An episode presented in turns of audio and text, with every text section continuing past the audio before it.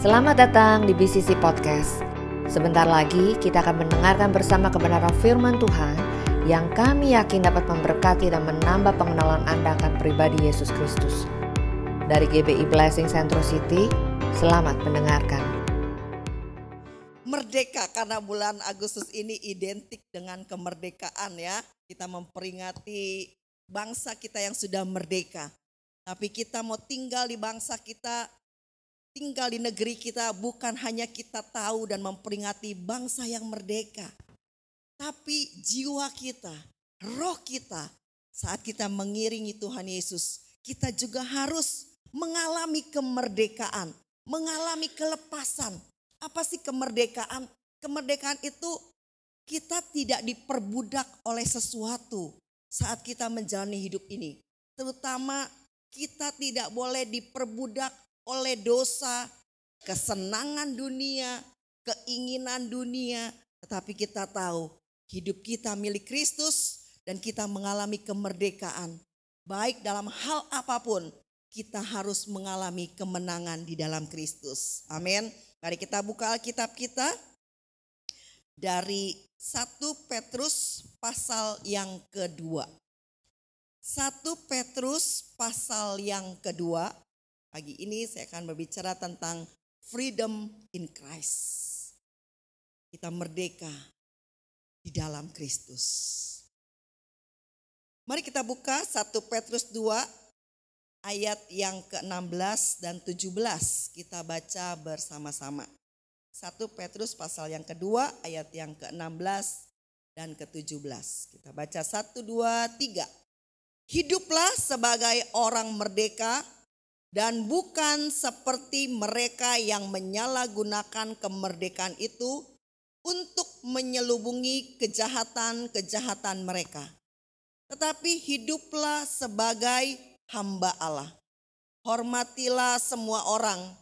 Kasihilah saudara-saudaramu. Takutlah akan Tuhan. Hormatilah Raja. Amin. Firman Tuhan katakan kita harus hidup sebagai orang merdeka. Sekali lagi orang yang merdeka tidak hidup dalam intimidasi, dalam tekanan, dalam perbudakan. Kita sudah belajar dari bangsa Israel. Mereka diperbudak ratusan tahun. Mereka mengerjakan apa yang orang-orang Mesir mau. Tapi satu hari lewat seorang pemimpin yang dipilih Tuhan yaitu Musa.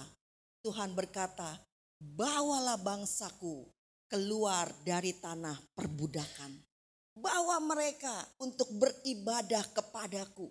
Bawa mereka supaya bangsaku, bangsa Israel, umat yang kupilih bisa beribadah dengan bebas kepadaku. Itu yang Tuhan mau.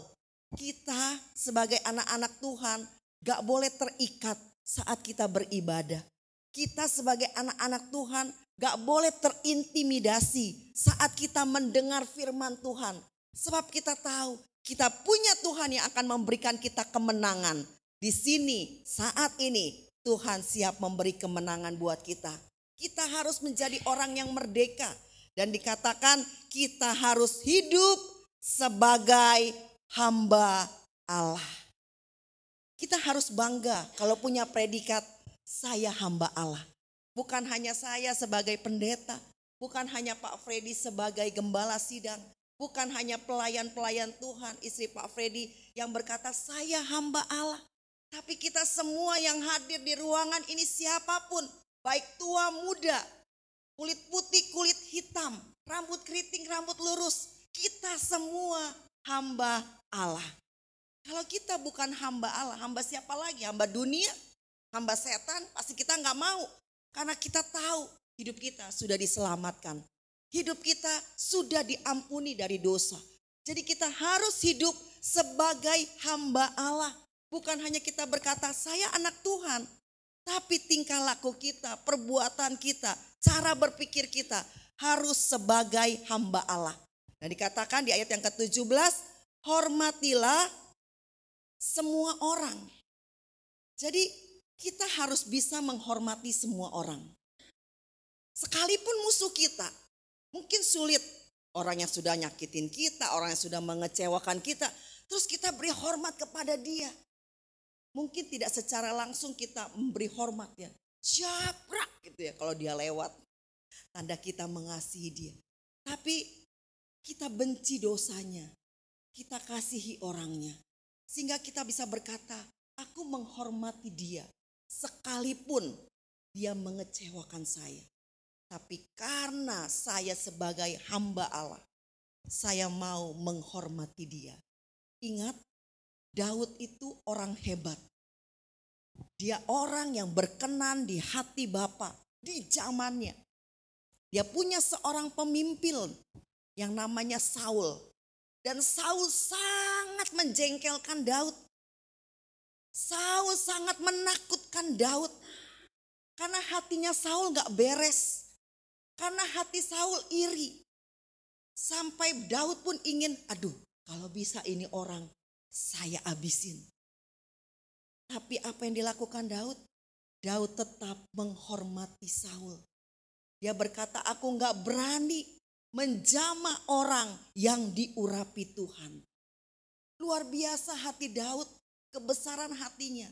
Dia bisa menghormati orang yang membencinya. Demikianlah kita. Sulit mungkin kalau memulainya sulit. Tapi kalau kita sudah terbiasa, kalau kita sudah terbiasa akan menjadi satu kebiasaan. Kalau kita sudah terbiasa, kita akan mudah memberikan penghormatan kepada orang-orang sekalipun mereka menyakiti kita.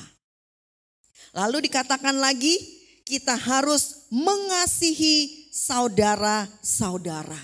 Siapa saudara kita? Bukan hanya saudara kandung. Saudara-saudara kita adalah orang-orang yang seiman dengan kita. Saudara-saudara kita adalah orang-orang terdekat dengan kita. Mereka lah saudara-saudara kita. Kadang-kadang tetangga kita lebih dekat dari saudara kita kan. Tetangga kita juga saudara kita. Jadi dikatakan kita harus mengasihi semua orang. Dan takutlah akan Allah. Ini yang keren.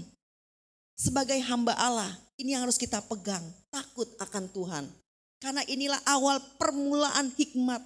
Kita bisa merdeka kalau kita punya hati yang takut akan Tuhan, menghormati Tuhan, mengasihi sesama kita, hidup sebagai hamba Tuhan. Dan lagi dikatakan, hormatilah raja. Raja di situ R-nya kecil. Itu artinya pemerintahan kita.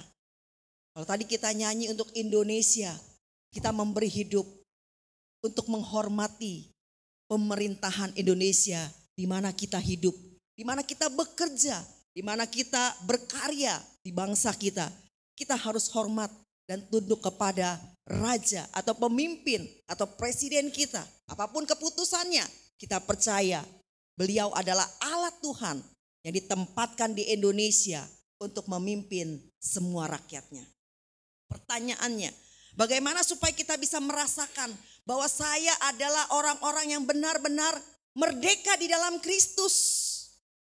Yang pertama, kita buka satu ayat di dalam Mazmur pasal yang ke-55. Mazmur pasal yang ke-55 ayat yang ke-22. Tadi tanpa sengaja saya baca eh, apa warta ya yang dibagikan, ternyata ayatnya sama gitu ya, hanya beda eh, kitab. Saya akan bacakan Mazmur yang tertulis di warta itu di satu Petrus. Intinya sama. Firman Tuhan berkata demikian ayat 22, serahkanlah kuatirmu kepada Tuhan, maka ia akan memelihara engkau. Tidak untuk selama-lamanya, dibiarkannya orang benar itu goyah. Yang pertama, kalau kita mau mengalami kemerdekaan di dalam Kristus, kita harus bisa menyerahkan segala kekhawatiran kita Menyerahkan artinya ya udah aku percayakan kepadamu. Kalau kita titip barang, titip sesuatu kepada bugem-bugem, aku titip sesuatu dong untuk disimpan. Berarti kita harus serahkan. Bagaimana kita bilang, Bu aku titip dong. Tapi aku gak menyerahkan barangnya. Bagaimana bisa dibilang, saya serahkan barang itu. Bagaimana saya bilang saya titip bu. Bagaimana kita bisa per, bilang saya percaya sama Bu Gem nih. Bisa memegang dan menyimpan sesuatu. Kalau saya nggak serahkan. Sama demikian kehidupan kita. Kita bilang Tuhan aku serahkan segala kekhawatiranku. Manusiawi kalau kita semua punya kekhawatiran. Tapi hari ini beranikah kita berkata Tuhan, aku serahkan seluruh hidupku kepadamu. Kekhawatiran itu bicara tentang hal-hal yang berkaitan dengan penghidupan. Bu pendeta, anak saya empat. Gimana saya harus membesarkan mereka? Zaman lagi susah. Kemarin seorang ibu di tempat di gereja yang saya gembalakan mengutarakan keraguan-raguannya, kekhawatirannya. Tahun yang lalu ibu ini ditinggal oleh suaminya. Suaminya seorang dokter. Saat itu mereka hidup berkecukupan.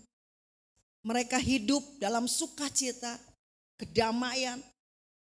Tapi waktu masa Covid, Tuhan ambil suaminya kembali ke pangkuan Bapa di surga.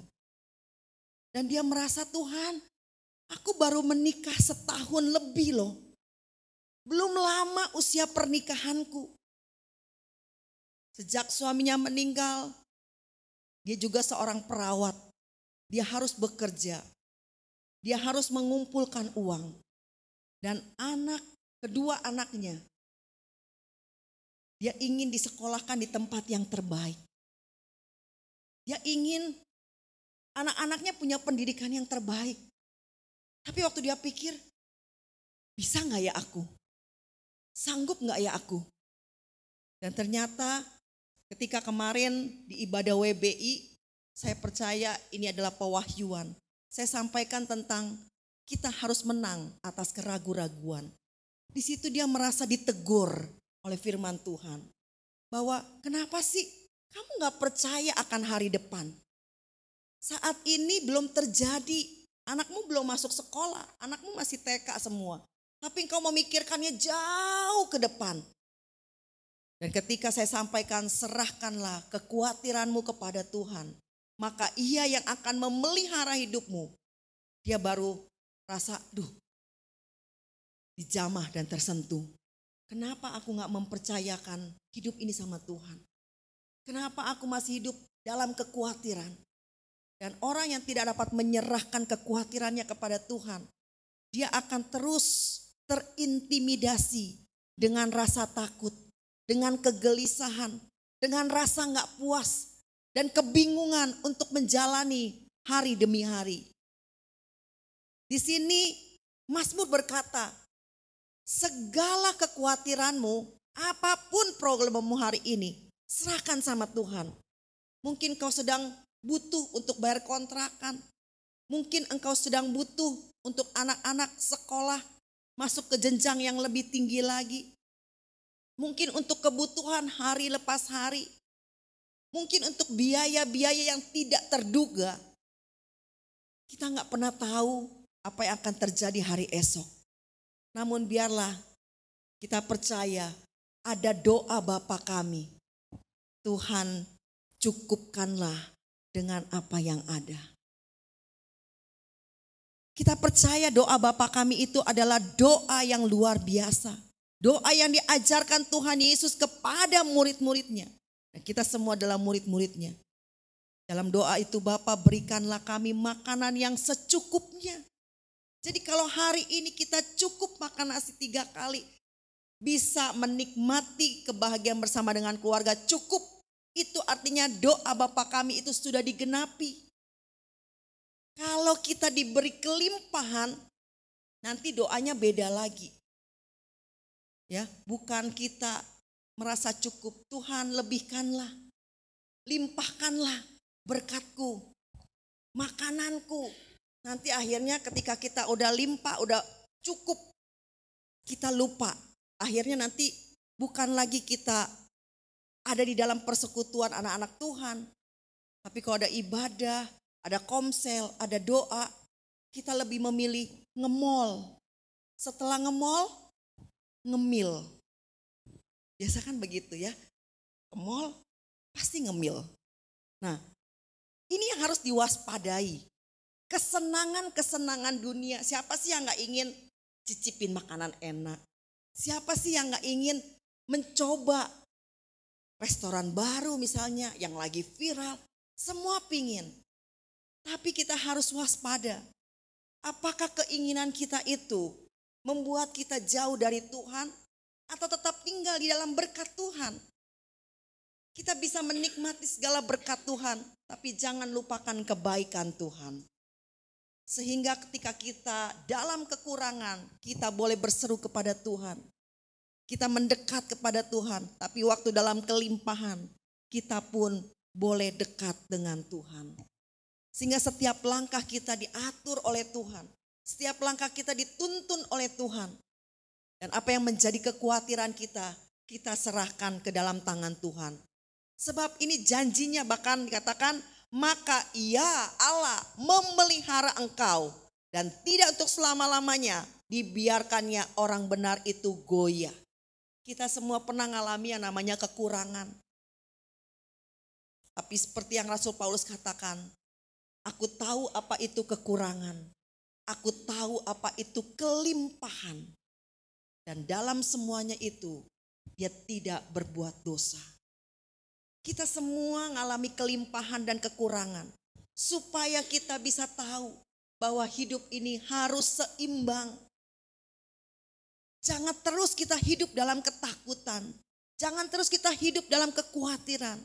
Kalau setiap hari kita khawatir, setiap hari kita takut, itu tandanya kita tidak percaya kepada Tuhan.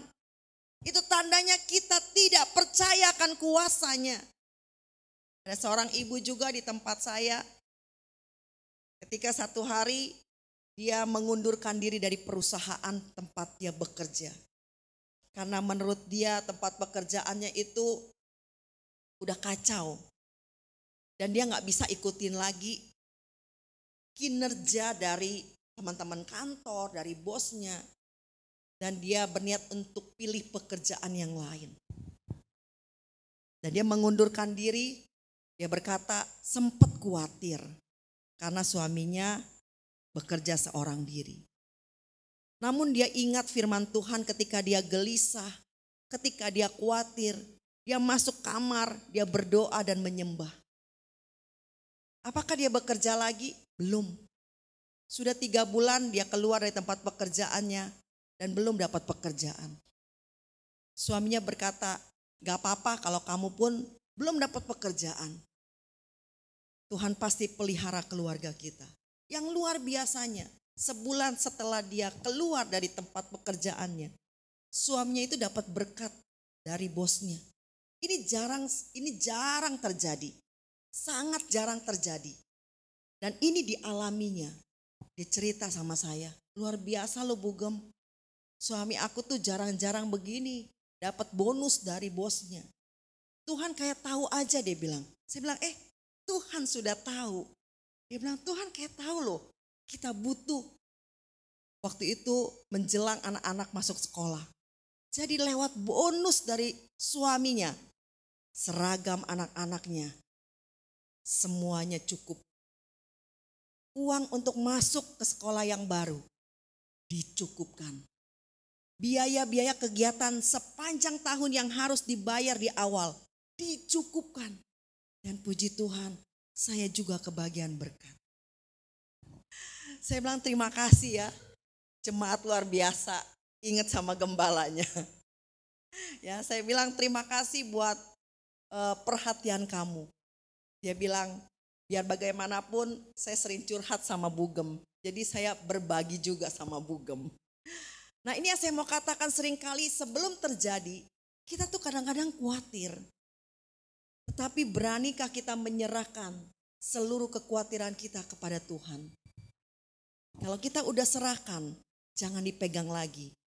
Sama seperti mungkin seorang pedagang yang memikul dagangannya. Dia jualan dari pagi sampai sore. Dia jalan tanpa terasa, eh udah jauh jalannya. Dia mau pulang, dagangannya habis. Dia tetap panggul gerobak dagangannya itu di pundaknya.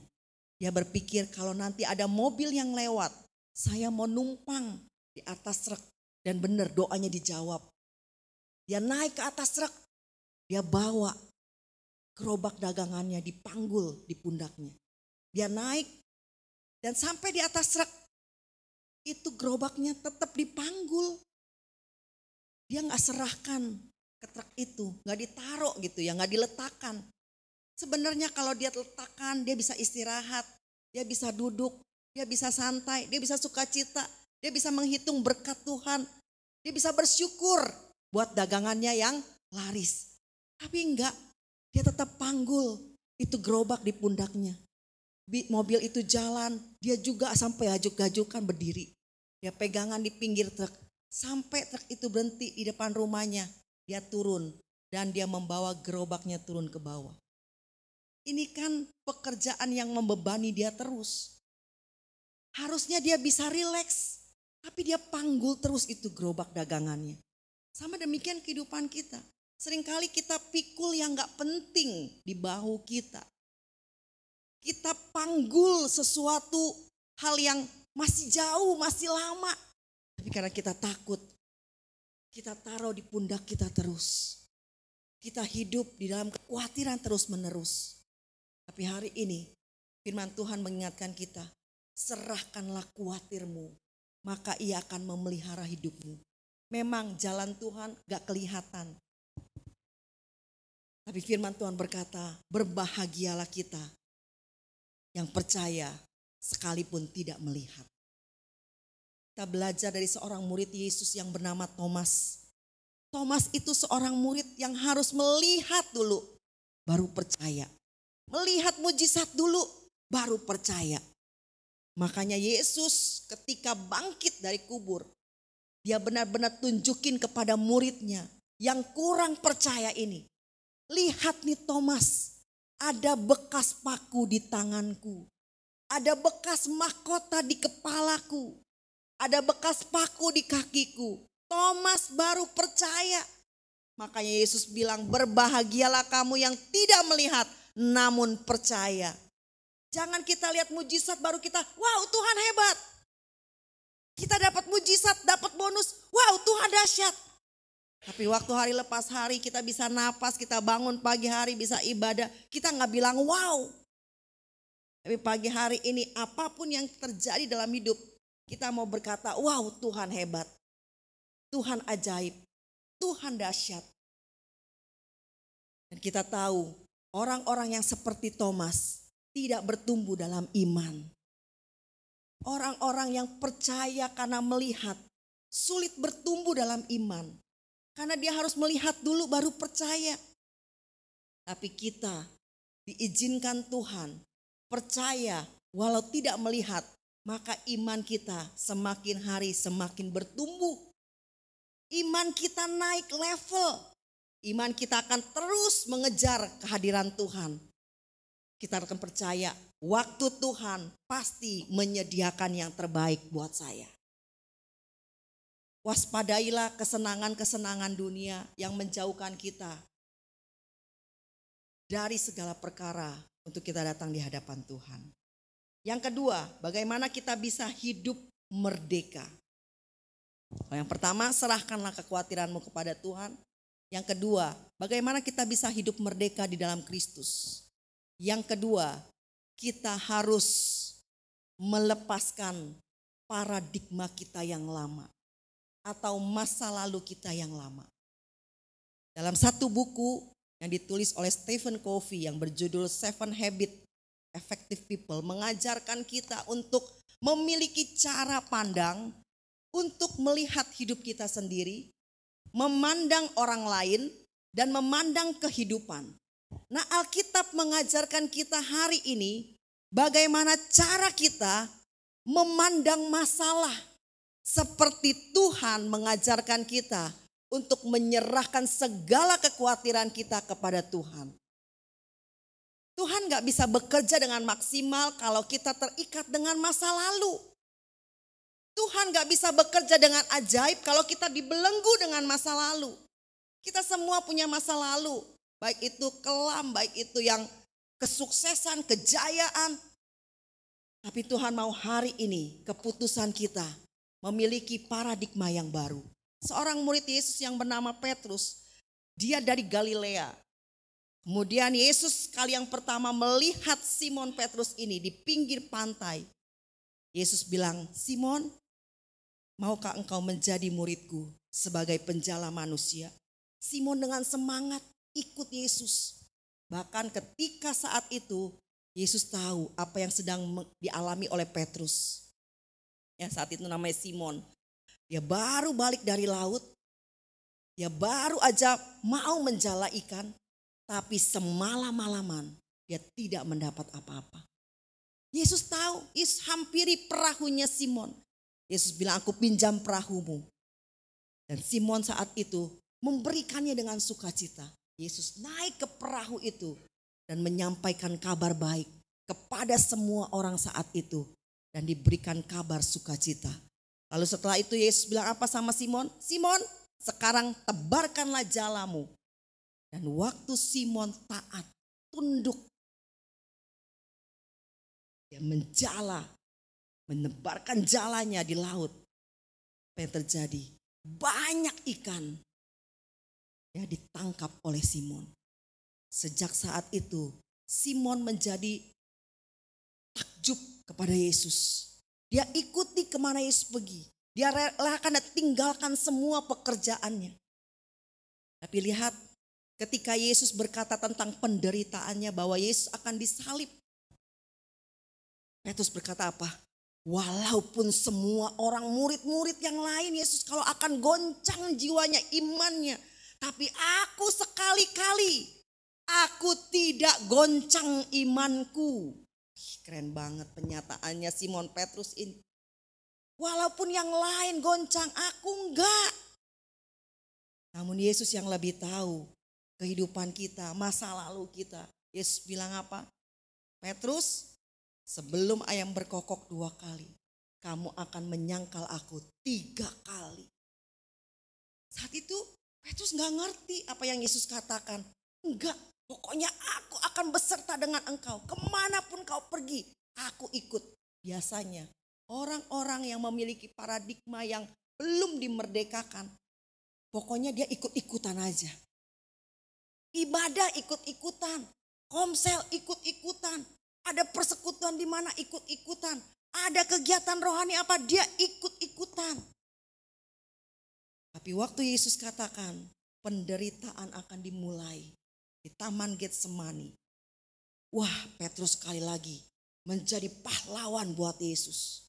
Ditebas telinga seorang musuh yang akan menangkap Yesus. Tapi apa yang dilakukan Yesus? Yesus marah. Kenapa kamu lakukan itu? Masukkan kembali pedang ke dalam sarungnya. Lalu Yesus meletakkan kembali telinga prajurit tersebut.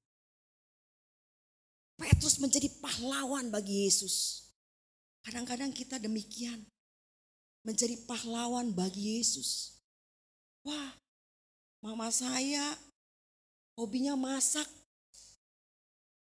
Hari-hari ini dia jualan ke mana-mana. Padahal mamanya memang hobi.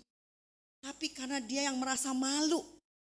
Mah, jangan jualan lah. Jangan kerja lagi lah. Nanti aku yang akan memenuhi segala kebutuhan mama. Baik gak? Baik. Tapi kalau dikerjakan dengan kesombongan, itu yang gak baik. Ini yang ada pada Petrus. Dia merasa dia bisa. Dia merasa dia murid yang dikasih Yesus. Dia pasti bisa tolong Yesus. Setelah itu apa? Yesus ditangkap.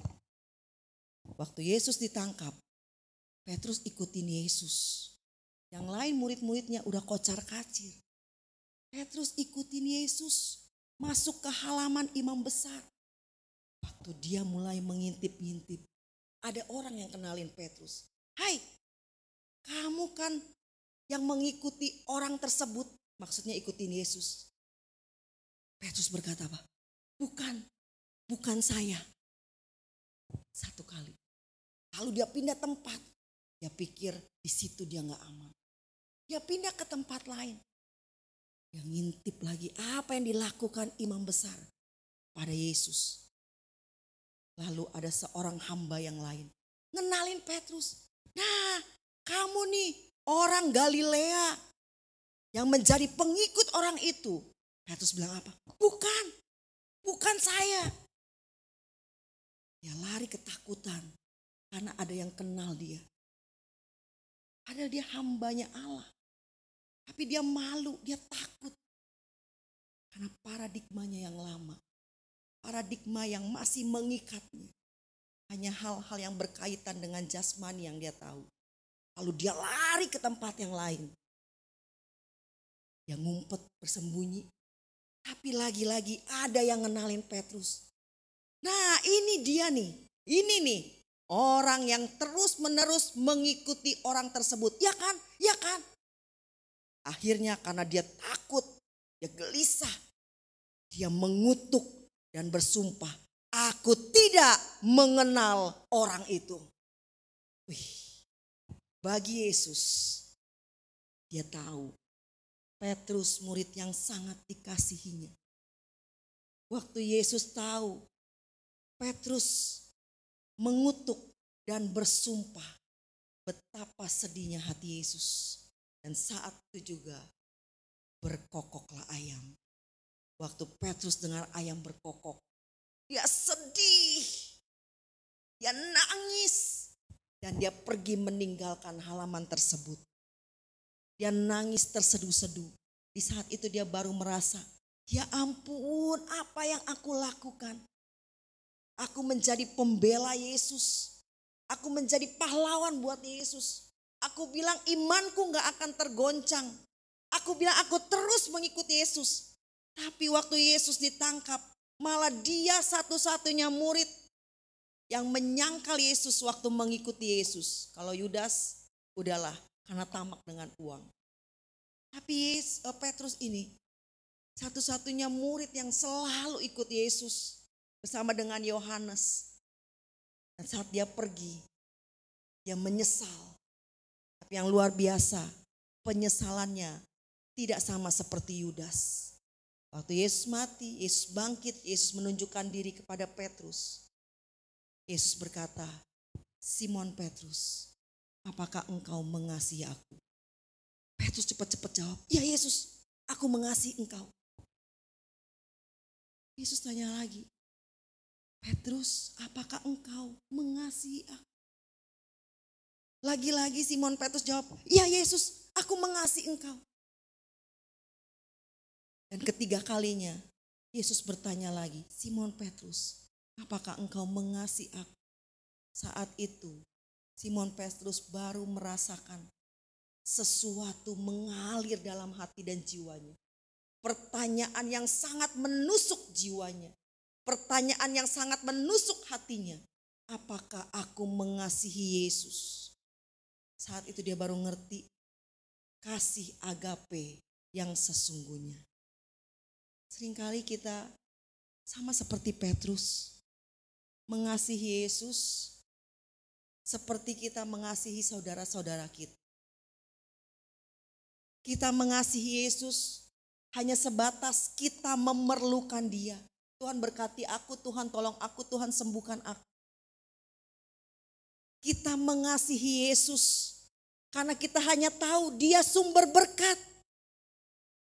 Tapi Simon Petrus sadar bahwa kasih agape mengampuni seluruh kehidupannya. Bahkan ketika dia menyangkal Yesus sekalipun, Yesus masih beri kesempatan untuk dia bertobat. Untuk dia lahir baru. Untuk dia memulai titik yang baru dari titik yang terendah. Masa lalunya sudah berubah. Sekalipun waktu Yesus mati, dia kayak nggak punya pengharapan. Dia rasa hilang semua pengharapan. Bahkan waktu Yesus ada pun dia bertanya, Tuhan kami ikut engkau. Udah tinggalkan segala sesuatu. Kami dapat apa ya? Seringkali kita juga begitu. Mengikuti Yesus, mengasihi Yesus sampai batas. Tuhan kami dapat apa ya? Kami udah setia melayani. Kami udah relakan segalanya. Kami tinggalkan segala sesuatunya. Kami dapat apa ya? Firman Tuhan katakan, engkau yang tinggalkan keluargamu, saudaramu, rumahmu, ladangmu. Hari ini juga dengar bahwa kamu akan mendapat bagian seratus kali lipat. Wow, waktu Petrus dengar itu seratus kali lipat. Kita juga seneng ya. Berarti kalau kita tinggalkan semuanya, kita dapat seratus kali lipat. Bukan itu maksudnya. Kalau gitu buru-buru nanti kita di sini berebutan. Bukan, aku mau serahin rumahku. Aku mau serahin ladangku. Aku mau serahin perusahaanku. Bukan itu maksudnya. Maksudnya adalah ketika kita memprioritaskan Allah dari pekerjaan kita. Memprioritaskan waktu kesenangan kita untuk Allah. Menyediakan waktu yang terbaik untuk beribadah kepada Allah. Maka Allah pun akan memprioritaskan kita semua. Amin. Bapak Ibu semua pasti pernah ke bank. Kalau nasabah prioritas, pasti diutamakan. Masuk duluan, gak pakai antri. Masuk ke teller duluan. Ke customer service duluan. Dilayani dengan sopan. Karena apa? Punya predikat nasabah prioritas. Kita anak-anak kerajaan prioritas. Kalau kita mendahulukan Allah. Kita tahu bahwa dulu aku ibadah hanya ikut-ikutan. Dulu aku ibadah karena takut ditegur sama Pak Gem. Aku ke gereja lah karena hari Minggu nggak ngapa-ngapain.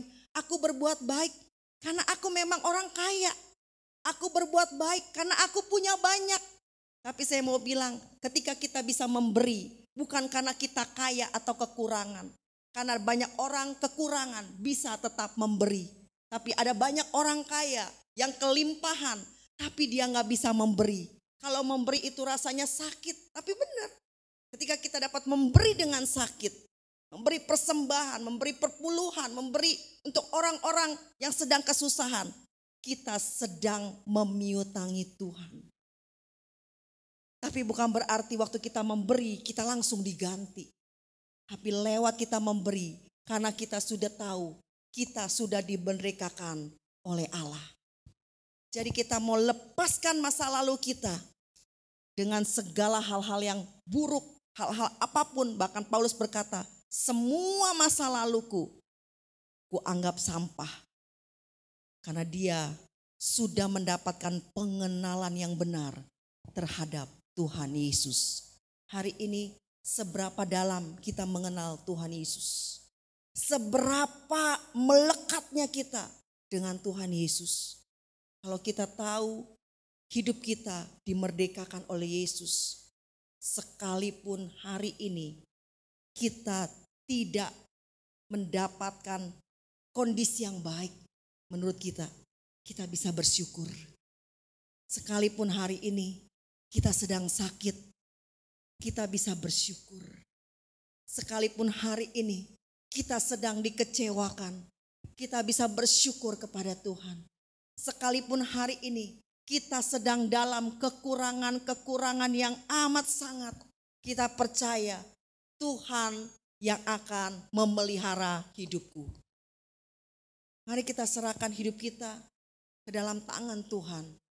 Benar-benar mempercayakan hidup ini kepada Tuhan supaya kita dimerdekakan, dibelenggu. Jadi waktu kita mau berbuat baik, kita tahu saya berbuat baik bukan karena ingin dibalas sama orang, tapi saya berbuat baik karena saya sudah mengalami kebaikan dari Tuhan. Kita memberkati pekerjaan Tuhan di gereja ini bukan karena kita memandang ah nanti nggak enak sama ibu gembala, nggak enak sama pengurus-pengurus, nggak enak kalau saya memberi. Kita memberi bukan karena nggak enak, tapi kita memberi karena kita mengasihi dan mengalami kebaikan Tuhan terlebih dahulu.